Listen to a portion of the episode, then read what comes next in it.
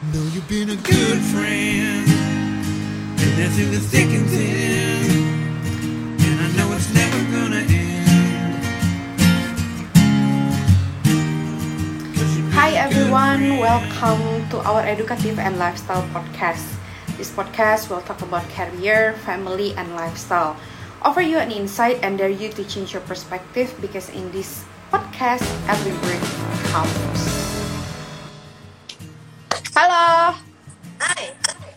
halo, halo, halo, halo, halo. Yes, hari ini kita special episode karena kita ngomong dulu nih sama teman-teman kita yang join live hari si- siang ini. Karena narasumber hari ini nggak kalah menariknya dengan narasumber-narasumber sebelumnya gitu. Jadi narasumbernya ya kita-kita aja gitu, tim-tim dari Little Queen kita. Tapi topik yang akan kita bahas itu nggak kalah menarik dengan topik-topik yang udah sebelumnya kita ajuin. Nah, in case kalau teman-teman uh, ketinggalan topik-topik sebelumnya, ngecek di mana, Cing? Bisa cek di podcast kita Spotify. Linknya ada di mana? Linknya bisa di, di bio kan? Di bio ada ya? Ya, linknya teman-teman bisa cek di biodatanya kita dan ada di profile picture kita, di profile kita, oke? Oke, hari ini eh, nggak kalah menarik, kita akan membahas tentang hashtagnya Little S Queen. Kalau teman-teman sering join, eh, lihat instastorynya kita, lihat setiap post-postannya kita, itu sering banget kita tulis hashtag di bagian bawahnya adalah every word counts. So, hari ini kita bakal uh, membahas tentang itu. Ya kan? Tapi sebelum itu, teman-teman, reminder untuk jangan lupa untuk follow kita, Instagram kita. Kita ada Instagram, kita juga ada uh, Spotify podcast. Podcast kita available di podcast, di Apple Music, ada di Google Podcast juga, dan di beberapa platform lainnya. Jadi make sure to follow, to follow, to follow Instagram kita. Dan juga jangan lupa to check out our store dan ya yeah, take a look our products. Alright. So, nah sebelum kita mulai nih Cing, boleh nggak uh, kita perkenalan dulu ya? Kita perkenalan dulu deh. Uh, mulai dari gue ya. Oke, gue Teresa. Uh, gue Teresa. Gue basically yang mempunyai ide untuk mencetuskan mencetuskan ide untuk Little S Queen uh, ya bisa dibilang founder lah kalau zaman sekarang panggilannya founder cuman kayaknya it's too big for me so I don't feel like to be called as a founder but it's alright uh, dan this is my partner silakan Hai, aku Eugene. Jadi aku adalah uh, partnernya Tere dalam menjalankan Little East Queen ini. Um, Tere mungkin lebih ke konsep besarnya, lebih ke yang pencetus awalnya. And I help to running it creatively. So I work as designer. So jadi kalau mungkin lihat konten-konten di Little East Queen, desainnya mostly aku yang bikin gitu. yes semua desainnya di Little Aspen itu dari Eugene nah uh, cerita sedikit nih ya. Uh, Little Aspen itu tuh berasal dari mana? Nah teman-teman Little Aspen itu uh, sebenarnya da- kalau dari aku pribadi itu adalah sebuah blog pribadi. Yang awalnya Little Aspen itu adalah blog pribadi di mana dulu saya itu suka nulis diary. Jadi nulis diarinya saya pindah ke sebuah blog. Nah dari blog terus ada cerita singkat juga dulunya terus ada ada puisi terus kemudian perjalanan mengalir itu mulai dari SMP nulisnya di blog. Waktu itu pakai blogspot. Kemudian bergulir mengalir uh, mengalami perjalanan stres uh, depresi dan ternyata dalam perjalanan itu orang-orang terdekat uh, orang-orang terdekat untuk meminta share the word about it share the word about your journey. So waktu itu bingung mau pakai nama apa ya gitu. Terus akhirnya orang-orang terdekat menyarankan ya udah pakai nama yang udah ada aja namanya Little S Queen itu seperti itu. Nah kalau bingung mau uh, kalau bingung kenapa namanya Little S Queen? Basically Little S Queen itu artinya adalah pemilik kehidupan small but big. Little uh, ace-nya itu adalah kartu ace queen itu adalah kalau di Inggris kan queen yang paling tinggi ya. Jadi uh, small uh, big but small gitu mengingatkan kita kita orang pemilik kehidupan kita sendiri kita adalah orang besar tapi kita harus tetap humble lebih seperti itu nah Gimana Cing hari ini? Work from home ya? Ya hari ini work from home, jadi pas kebetulan ya pas lah timingnya pas di rumah juga, jadi enak gitu bisa ngobrol gitu. Untuk for your information guys, Eugene ini uh, dia buk, uh, dia juga kerja di tempat lain as a designer. Jadi kebetulan hari ini she is a working from home. Cerita dong pengalaman-pengalaman tentang work from home. Wow, pengalaman work from home sih minggu-minggu awal susah sih. Minggu awal itu kayak mau ngebus productivity itu kayak gimana juga gitu. Dan kayak affecting in mood banget gitu as a designer. Kayak Hmm. really feeling a bit down, yes, but at the Mhm. same time really well because uh, I can spend a lot of time in home and I can spend a lot of time with my family, which is it's very very very apa ya sangat membantu lah sangat apa ya udah biasanya kan sibuk mulu gitu keluar terus lah jalan di rumah rumah cuma jadi rumah singgah Mm-mm. jadi kayak ya, jadi ya eh, antara mau ngomel dan bersyukur gitu Terus tadi kan dia bilang kan meng-affect mood kan. Terus moodnya kayak gimana? Apa nggak terbiasa? Nggak karena nggak terbiasa kali ya kerja dari rumah.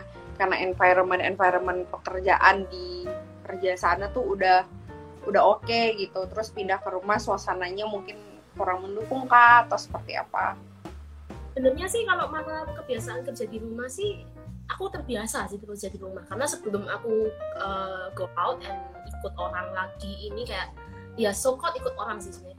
Jadi uh, aku sempat bikin sendiri dan even sampai sekarang aku tetap jalan sih kayak freelanceku gitu.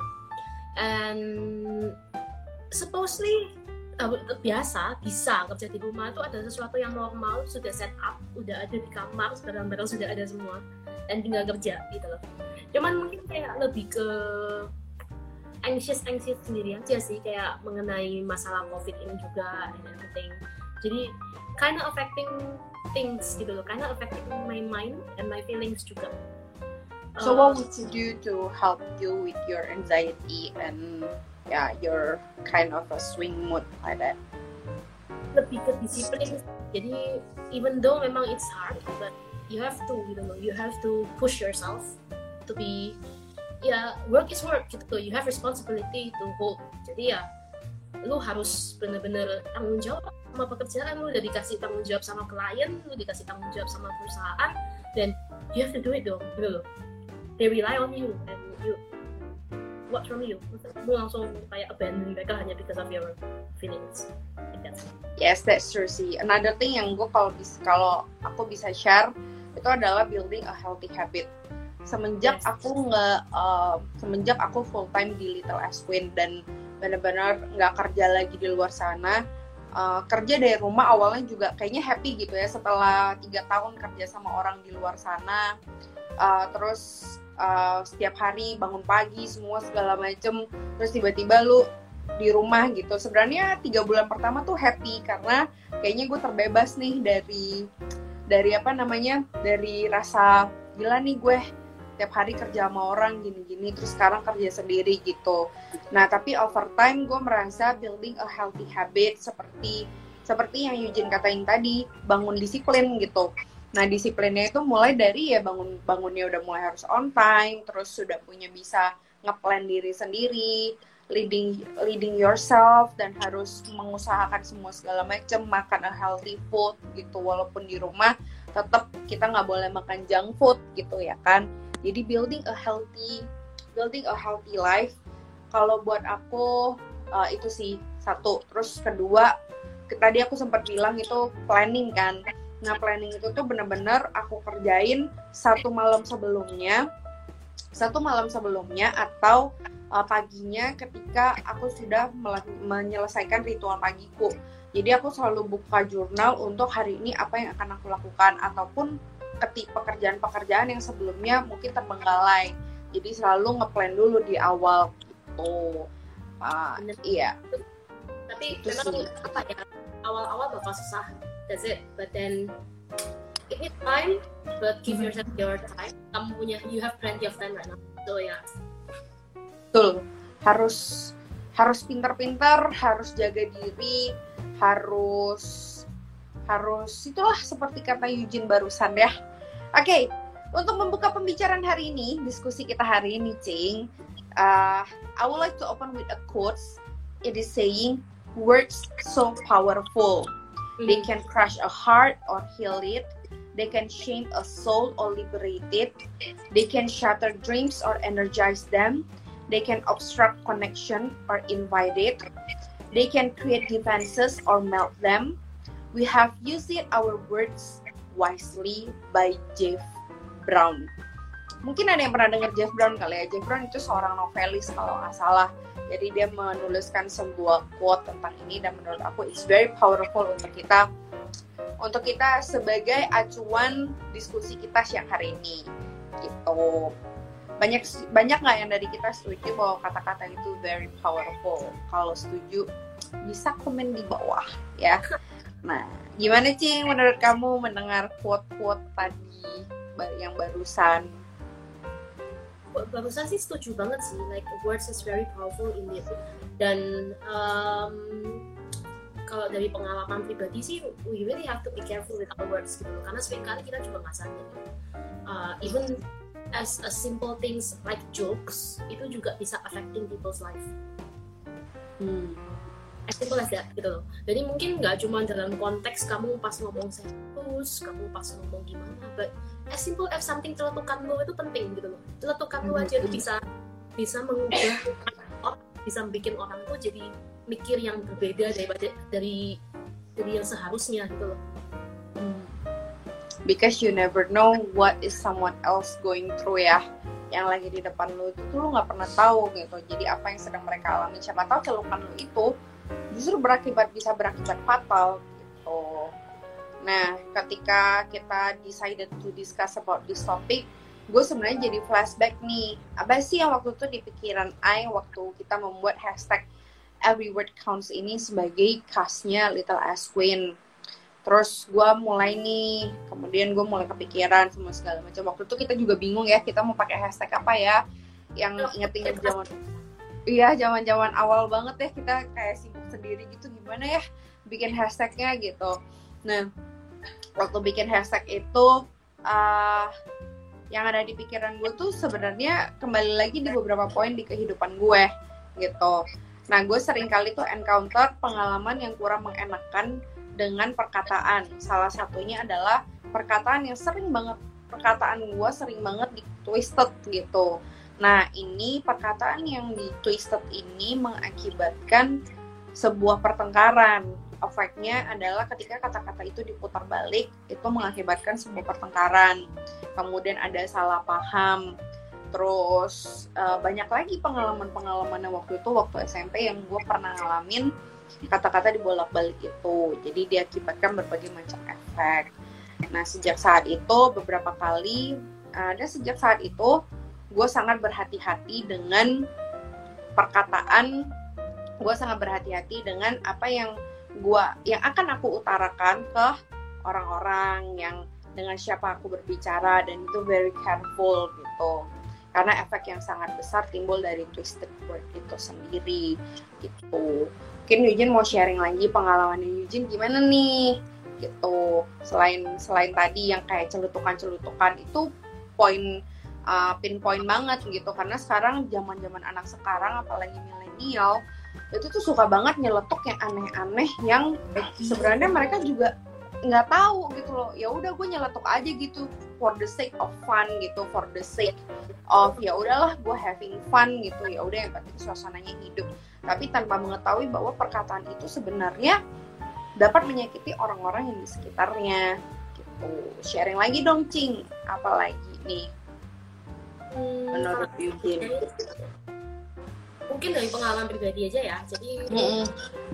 kalau aku sih di zaman SD SMP sih kayak itu really affecting my body image kata-kata mm-hmm. orang jadi kayak mm-hmm. bener-bener um, dulu sih badanku nggak ideal ya gitu jadi kayak maksudnya even sampai sekarang pun ya bukan yang ideal-ideal banget lah gitu loh bukan yang sampai yang mm-hmm. yang apa banget oh bagus banget enggak ya enggak lah ya gitu loh. Jemblung sih di mana-mana iya. Cuman kayak ya kan ya kan kan apalagi sekarang WFH ya makan mulu jadinya gitu. Terus um, ya itu sih jadi people's word simple words gitu sebenarnya. Kayak kamu kok nggak make up ya? Kamu kok nggak gini ya? Kan kayak gini gitu jadi kayak lebih hal-hal yang kecil sih hal yang sebenarnya harusnya ya seharusnya eh, bisa nggak ngefek sih tapi somehow tuh kayak kelihatannya aku nyantai boles gitu tapi kepikiran gitu loh jadinya kayak Mhm. keulang keulang gitu kan itu juga ngefek ke jadi ke fisikal juga waktu itu sempat kayak susah makan jadi kalau mau ma- tiap kali selesai makan muntah tiap kali selesai makan kayak bawaannya tuh pengen muntah gitu loh Oh, wow. Oke. ada fase itu di mana ya waktu itu mamaku aware cuman aku kayak berusaha ngomong sama mama it's okay aku cuman nggak enak aja buat jadi kayak every time aku setelah makan habis dari resto tuh kayak pasti ke kamar mandi gitu. Which is tuh kayak Hmm. struggle banget di sana gitu mengenai mengenai itu. Padahal itu dari kata-katanya simpel kamu kok nggak bisa kayak dia sih? Dia kan kurus kamu itu loh bagus badannya tinggi apa segala. Itu kayak sangat simple words, very simple words like jokes, tapi kayak very affecting me somehow. Di bawah sadar itu nggak nyadar, ternyata bisa affect banget gitu loh. Dan itu juga kebawa ke self image. Jadi kayak jadi rasa percaya diri itu ngedrop. Kayak mau Mhm. ngomong mungkin kalau cincin yang dulu, Eugene yang dulu nggak gini, nggak bisa share di depan ini gitu, nggak bisa live karena I was really scared about crowd. Yeah, even though uh, I don't see them, but still I can see that it, people seeing this, people listening to this, people know my secret. So it, makes me feel very insecure, and it was pretty hard, really. And puncaknya itu adalah waktu di SMA, di mana aku sempat ngalamin yang namanya verbal bullying ya. Jadi lebih ke I never told this to anyone, so yeah, I think it's the best time to share.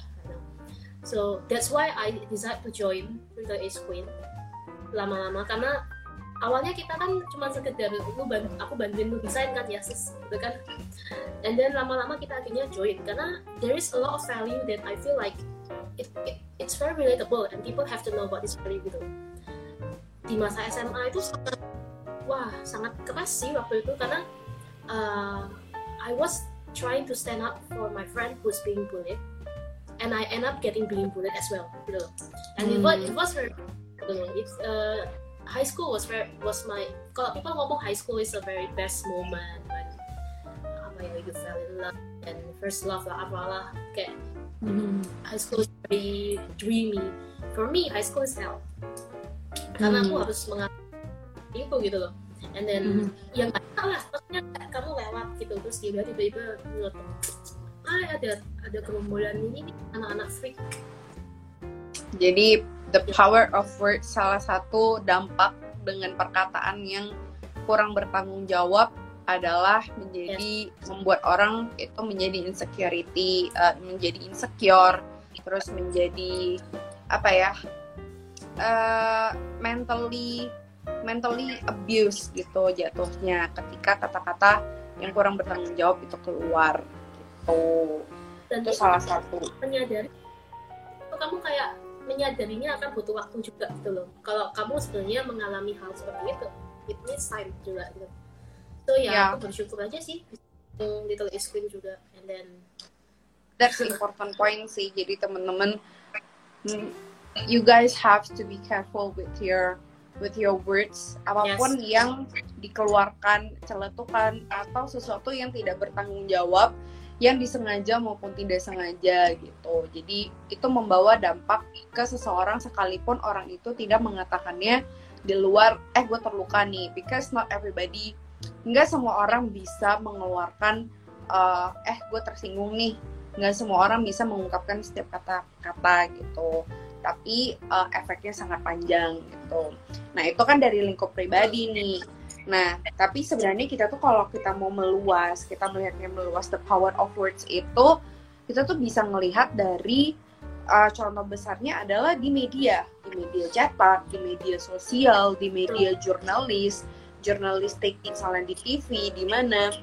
Iklan itu kan karena perkataan. Ada sebuah perkataan yang diulang ulang ulang ulang yang akhirnya menjadi sebuah trademark gitu contohnya Indomie seleraku gitu zaman zaman dulu itu kan zaman-zaman dulu itu kan em, semua orang itu iklannya Indomie itu tuh bisa setiap menit ada gitu. Kita bisa menemukan iklan Indomie setiap menit ada. Nah, karena ada iklan itulah akhirnya kita jadi bisa mengingat ah kalau lapar ya udahlah gampang makan Indomie aja gitu. Kalau mie instan yang kita yang kita ingat selalu Indomie. Kenapa?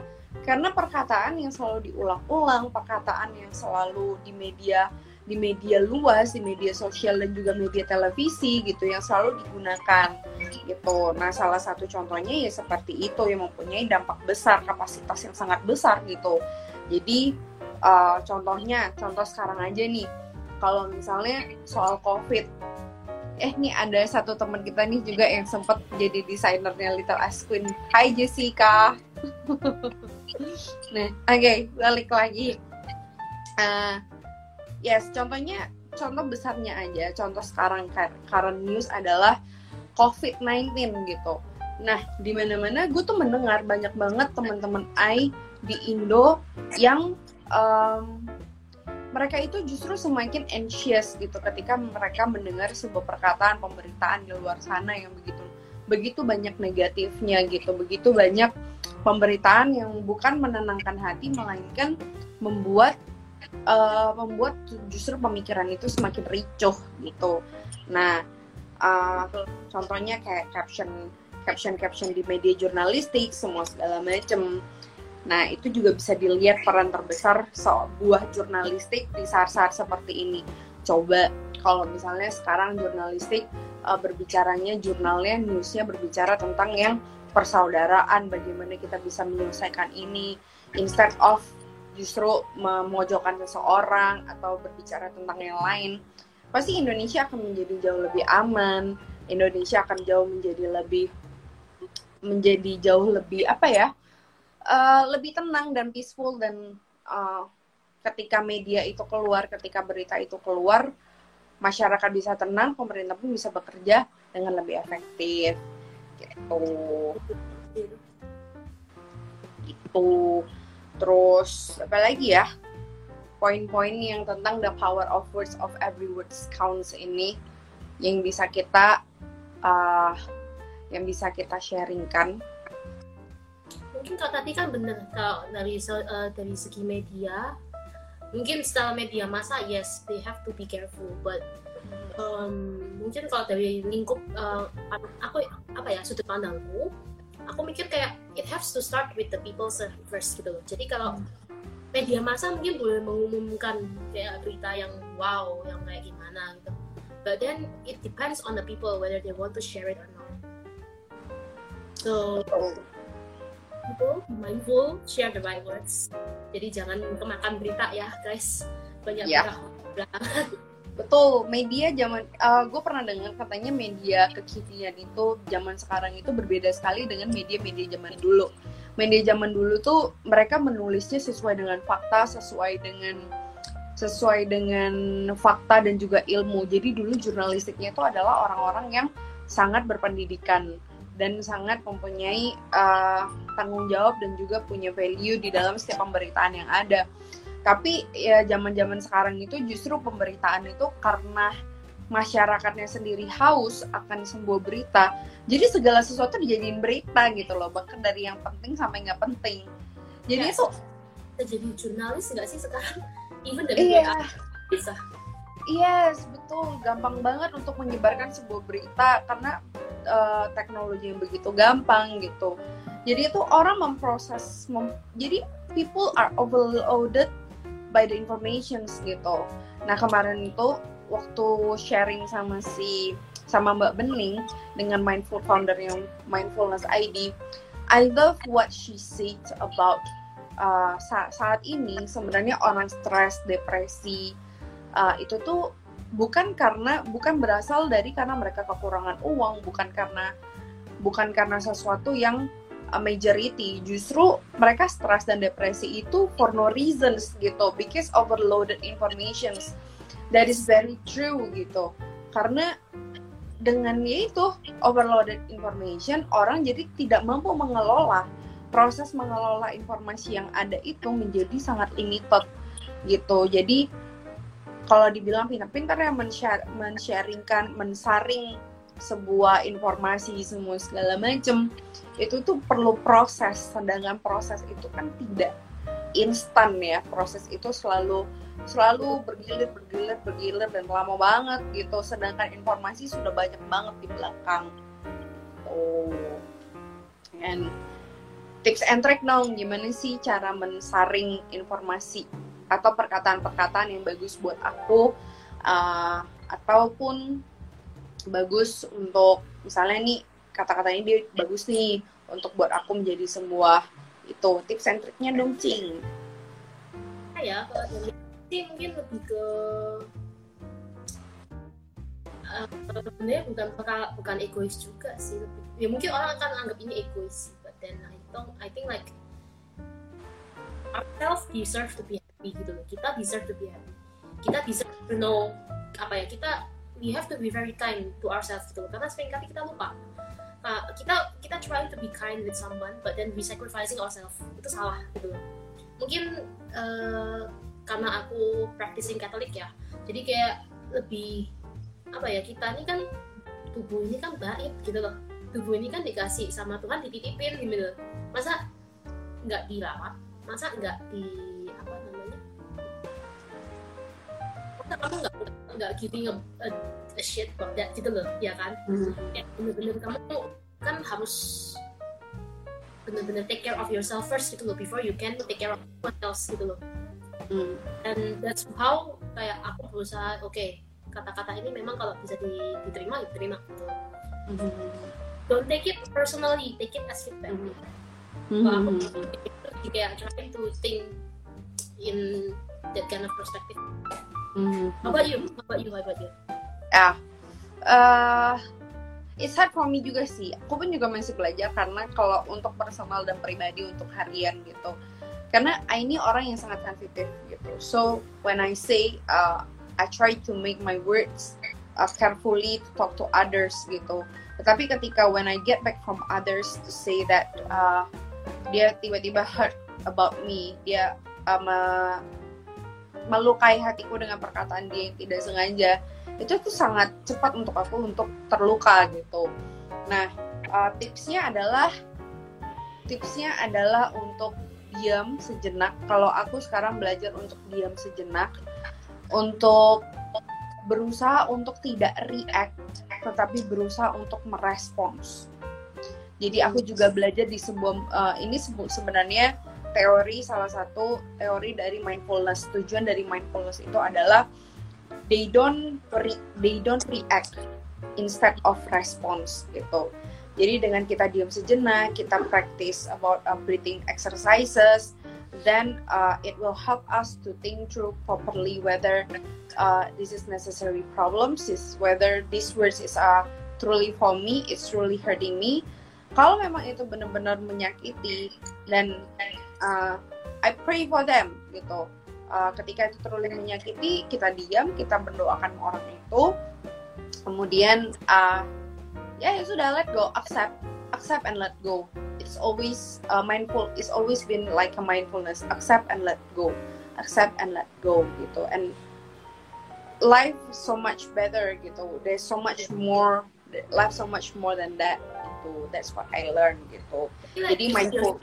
gitu kali ya kasih kenapa kasih space ke diri sendiri gitu kali ya Yes.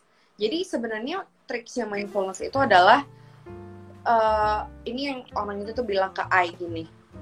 eh, ketika lu marah, kita tuh cenderung untuk respons, untuk kita langsung membalas gitu.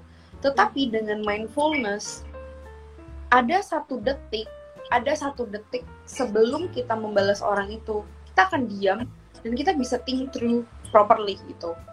Jadi dengan mindfulness itu tuh sebenarnya memberikan kita uh, pause uh, untuk untuk pause untuk berpikir oh this is not right oh oke okay, this is the right thing to do gitu. Jadi dengan dengan adanya dengan adanya mindfulness belajar mindfulness belajar technical breathing uh, it's one of the way to help us to think through how powerful the words are for me. Nah karena ada satu juga teknik uh, teknik mindfulness itu di mana di uh, di mana teknisnya itu breathing exercises, but then they have a they have this uh, to imagine someone that makes you happy, and then with the energy that they have, uh, imagine someone that you don't really like at the moment. When we imagine them, and then we wish them, we wish you well, uh, we wish you kindness. Uh, you may, uh, may you be healthy, may you be wealthy, may you be kind, may you be apa gitu. Ada empat gitu. So dengan seperti itu sebenarnya kita bisa melihat dunia udah nggak lagi uh, hitam dan putih, tetapi melihat dunia itu sebenarnya adalah ya sudah dijalanin seperti abu-abu gitu jadi tidak melihat lagi hitam putih. Oh dia jahat jelek. Kalau dulu kan kita taunya jahat sama jelek gitu jahat sama jelek. Tapi sebenarnya ketika kita belajar mindfulness kita melihat untuk uh, dunia di di dua sisi. Gitu. Gitu gitu. Dengerin juga sama yang pas live sama Mbak Bening kan yang mengenai mm -hmm. Mm -hmm. Nah, itu simple things. As simple as breathing can help us ya gitu. Betul. Aku juga juga nggak pernah tahu. Jadi sekarang tuh kalau misalnya I lagi kesel atau I lagi misalnya anxiety gitu uh, I yang lakukan adalah I mencoba fokus di pernafasan gitu. Jadi membuat segala sesuatunya. Baik when I have to cry then cry.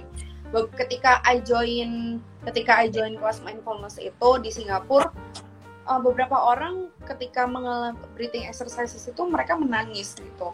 They have a, they have a, another sensation ketika mereka belajar itu, ketika mereka benar-benar lelah gitu karena uh, they don't realize gitu. They go on every day about their uh, life, but then they don't realize that actually they they so tired and they need rest. Gitu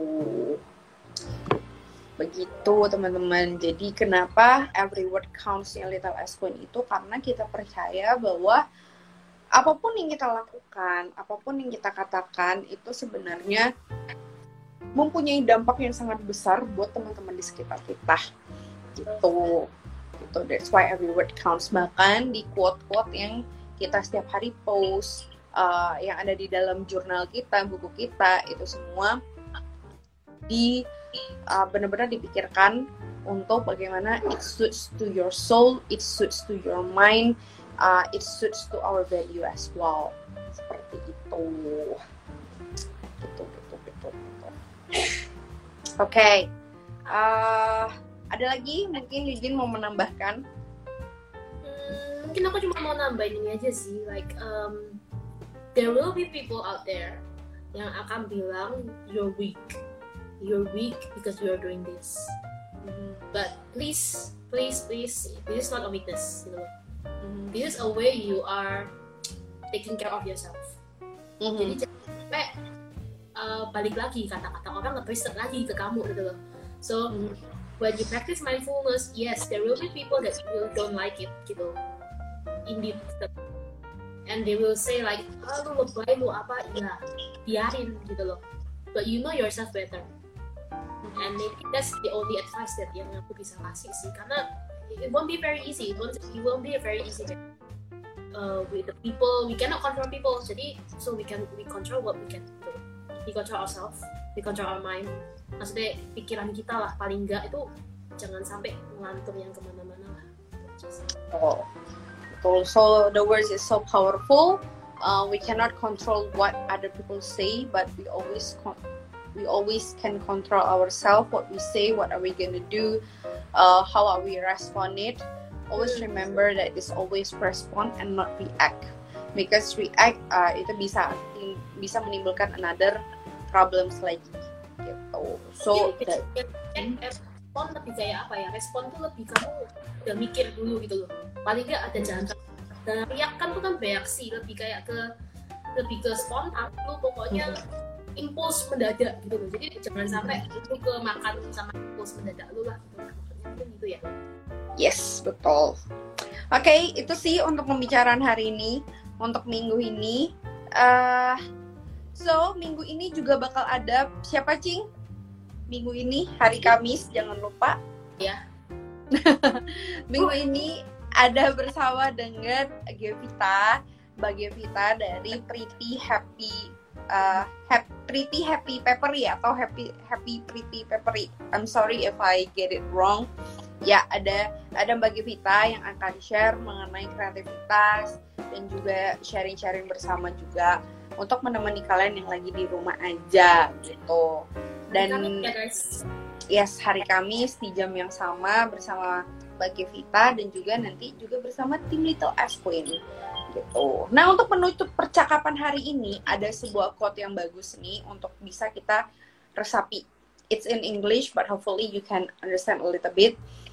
It says that throughout human history, our greatest leaders and thinkers have used the power of words to transform our emotions to enlist us in their causes and to shape the course of destiny. Words cannot only create emotions, they create actions. And from our actions flow the results of our lives. Gitu. Nah, jadi intinya uh, kata-kata itu tuh bisa menimbulkan sebuah nggak hanya sebuah emosi tetapi sebuah tindakan yang kit- uh, yang yang bisa as a, as a result of our life gitu misalnya seperti bunga pernah dengar nggak sih uh, simulasi tentang tanaman dua tanaman yang satu dikatakan positif satu dikatakan negatif ternyata yang positif itu benar-benar terjadi mereka it bloomings uh, yang satu lagi justru tidak tidak mekar gitu that's our life gitu ketika kita ketika kita apa namanya uh, ketika kita bilang I matter I will never be giving up. Uh, I am enough. I am always enough. My dreams matters. What I do it matters. Dengan kita berkata itu setiap hari, itu otak akan merespon dengan sendirinya dan itu menjadi bisa berkembang untuk uh, di kehidupan kita dan hidup kita akan hopefully kita akan menjadi jauh lebih positif dan we can see life in different angles gitu.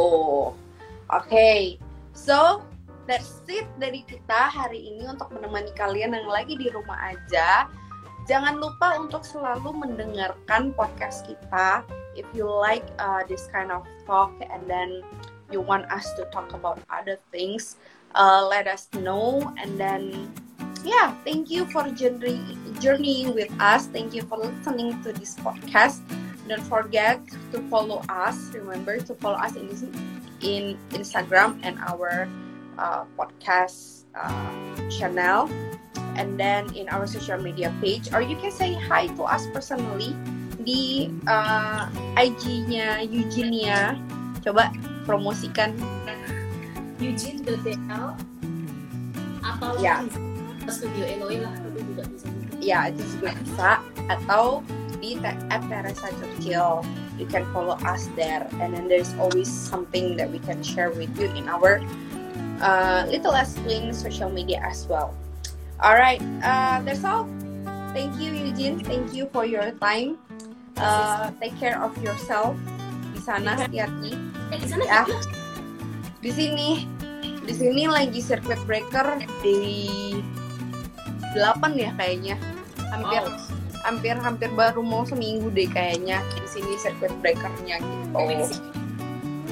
Eh, total circuit breaker harusnya satu bulan sih sampai bulan depan gitu. So, itu sih loh begitu. Cuman di Indonesia you must be careful. Yes, we have to be careful here. Ya, you guys, like I said, okay. If kalau nggak ada kerjaan, please jangan coba-coba untuk keluar atau visit temen yang obviously udah uh, kena corona, yang udah pasti sakit gitu. Uh, karena dampaknya sangat besar, impactnya sangat besar. Indonesia butuh medis, Indonesia butuh pemerintah butuh kita untuk bekerja sama dan uh, ya begitu selalu ikutin apa kata pemerintah no matter what. Ya, It's for our safety. Gila, itu yang paling dikit kita bisa ingin paling nggak turun gitu ya betul. Kalau tidak ada apa-apa jangan keluar. Stay at home stay sane dengan menambah ilmu seperti Devita juga udah sharing kemarin uh, it's time to upgrade your skill self development how to create something from home. Uh, then if you're an entrepreneur, then uh, lesson learned that you can do from this uh, uh, from this tragic from this pandemic apa kita juga udah share sama dengan uh, Steffi Natalia kemudian kalau teman-teman sekarang lagi anxious juga we have a we have a podcast with mindfulness. They talk about uh, breathing exercises the benefit of it and then we talk about the benefit of journaling mindful journal. So there's a lot of things that you can do at home. Uh, don't be discouraged. Always remember that you are always enough so, all right okay guys. Remember to always give your best in every day everything and kind to one another always. I love you all. Thank you. Bye bye. god bless. Bye. bless bye